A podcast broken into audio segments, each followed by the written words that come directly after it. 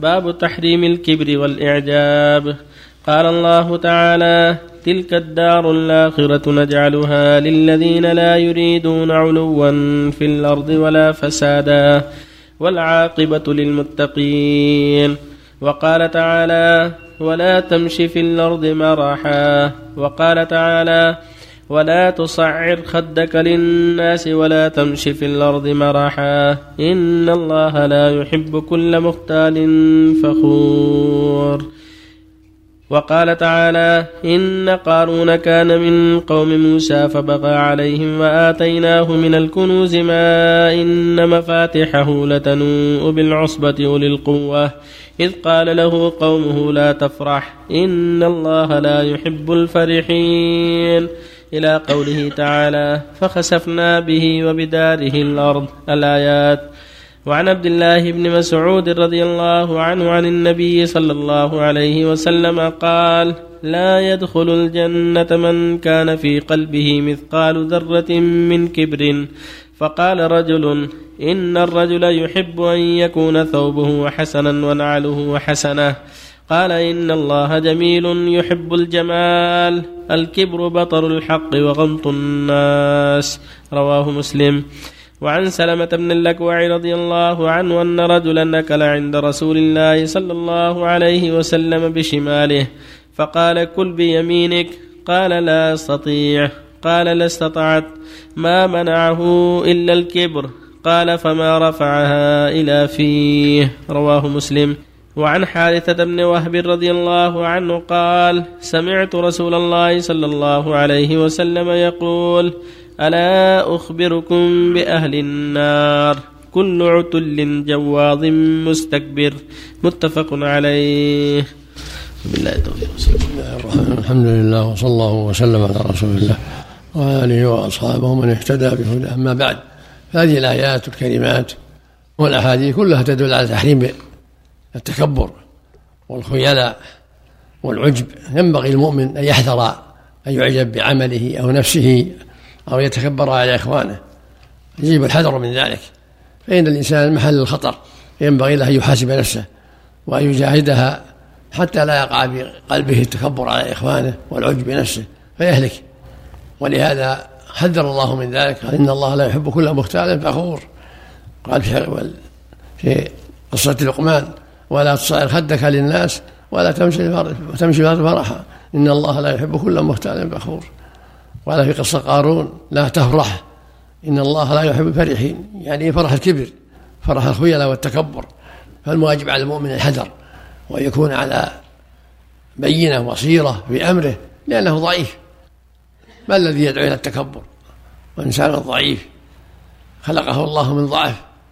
وهو على ضعف. فكيف يتكبر على إخوانه. كيف يستنقصهم؟ كيف يعجب بنفسه؟ والواجب عليه أن يحذر ذلك. قال يا رجل يا رسول الله الرجل يحب أن يكون ثوبه حسنا ونعله حسنة أفذاك من الكبر؟ قال صلى الله عليه وسلم الكبر بطر الحق وأمط الناس. إن الله جميل يحب الجمال. معنى بطر الحق رد الحق. وغمط الناس احتقارهم هذا كبر رد الحق. لأن خالف هواه واحتقار الناس لأنهم ماتوا على شاكلته وعلى هواه فيحتقرهم. الكبر بطر الحق وغمط الناس يعني احتقار الناس. فينبغي المؤمن أن يكون بعيدا من ذلك وأن يحذر التكبر والعجب وجميع ما ما نهى الله عنه. كذلك حديث ابن مسعود يقول صلى الله عليه وسلم لا يدخل الجنة من كان في قلبه مثقال حبة خردل من كبر. هذا وعيد شديد يجب الحذر. فالواجب على المؤمن أن يجاهد نفسه في التواضع وعدم التكبر وعدم العجب لأن العبد على خطر. قد تغره نفسه قد تغره دنياه قد تغره وظيفته فليحذر. حديث سلمة أن رجلا أكل عند النبي صلى الله عليه وسلم بيساره فقال له النبي كل بيمينك. فقال لا أستطيع وهو يكذب. فقال له النبي صلى الله عليه وسلم لا استطعت. فما رفعها إلا فيه بعد ذلك. ما منعه إلا الكبر. هذا فيه أن العقوبة عجلت شلت يده عجلت له العقوبة يقول لا أستطيع يكذب.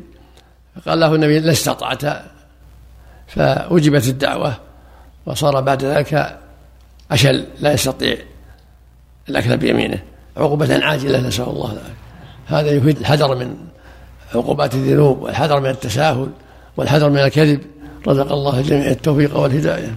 أحسن الله إليك. هذا سائل الله يحسن عملك في ورقة كتب سؤاله قائلا الربا ثلاثة وسبعون بابا يسرها أن ينكح الرجل أمه وأن وإن أرض الربا عرض الرجل المسلم. هل هذا الحديث صحيح؟ محل نظر ما أعرف حسناته من كل وجوه لكن يفيد الحذر. يفيد الحذر من الاستطالة في عرض المسلم بغير حق. فالغيبة نص عليها الرب جل وعلا ولا يغتب بعضكم بعضا. فيجب على المؤمن الحذر مما نص الله على تحريمه. وهكذا ما نص عليه الرسول صلى الله عليه وسلم.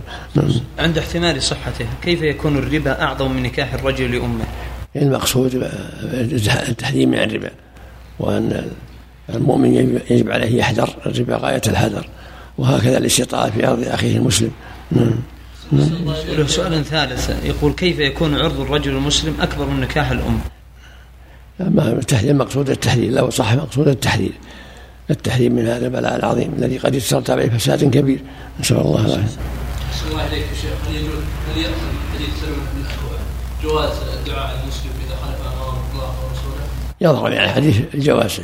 إذا عرف أنه أنه متكبر يظهر من حديث الجواز لكن العفو أفضل. العفو والدعاء لأخيك بالهداية أفضل كما في النصوص الأخرى. نعم. بارك الله فيكم. المحسود يرى الحاسد في المنام ثلاث مرات. ثم يرسل إليه أحد الأشخاص على أساس أن يأتي بالوضوء فرفض. فأخذ هذا المحسود الحذاء في يوم الجمعة وغسله واغتسل بهذا الماء. فإيه الحكم بالنسبة لل؟ لا الحذاء ما يغسل هذا يكون فيها وساخ ويكون لا. طب وإذا رفض ماذا يفعل؟ نعم إذا رفض الحسد وش يجزيه العين؟ هو يقول إنه رآه في المنام أكثر من ثلاث مرات. ولو رآه ولو رآه 100 يقول إنه رآه بيقول أنا نظرتك أنا ما يلزم انه إنه ولو رآه في النوم. لا يلزم. لا ما يلزم نعم بارك الله فيك. الله عليك شيخ. تأجير المحلات على العمال. يعني يجدح يبيع فيه ويشتري يعني؟ اي نعم. أو يجري أو يسكنه؟ لا يبيع تجارة يعني. إيه ما في بس والإجرة الشيلة الإجرة ما يعطيه راتب أحسن لك الاتفاق أن يكون بينهم راتب لكن هو يسقط الراتب. المقصود قال توفي الدكان وكيل عنه يبيع ويشتري عنه الوكالة ما هي بس لا يا العامل. نعم. كل شهر 200 والبضاعة من العامل والبيع والشراء كله من العامل يعطيها عن المحل.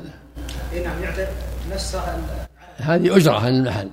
والعامل هو اللي يبيع ويشتري. إي نعم والبضاعة من العامل أيوه من العامل إي نعم ما في شيء. هذه أجرة المحل هذه يسمى أجرة المحل. أحسن عنك لكن العامل أتى من بلاده بناء على عقد بينه وبين الكفيل على أن يعطيه راتب. إذا إذا تسامحوا ما في بأس الحق ما يهدوهم إذا تسامحوا تنازل الكفيل العامل نعم. وصار في محل تجارة نعم. بأجرة يسلمها لكفيله وهو اللي يعمل في المحل أو يسكن في المحل لا بأس وإذا كان العامل بارك الله فيكم يدفع الإيجار كمان نعم. يدفع الإيجار ويدفع ال 200 ريال مثلا للكفيل سهولة يعني 200 ريال تدفع بدون لا ما يجوز ياخذ كذا عندك هذا الشيء؟ لا ما يجوز. لكن؟ يستأجر المحل اللي فيه البيع والشراء أو السكن؟ لا بأس. بارك الله فيك. حسنات لكن النظام يمنع العامل أن يكون نعم يمنع العامل أن يتجر بنفسه. إذا كان الدولة تمنع لا يعصي الدولة. يراجع الدولة فيها لأن هذه أمور تتعلق بمصلحة المسلمين. وعليه السمع والطاعة. يمشي على التعاليم. بارك الله فيك.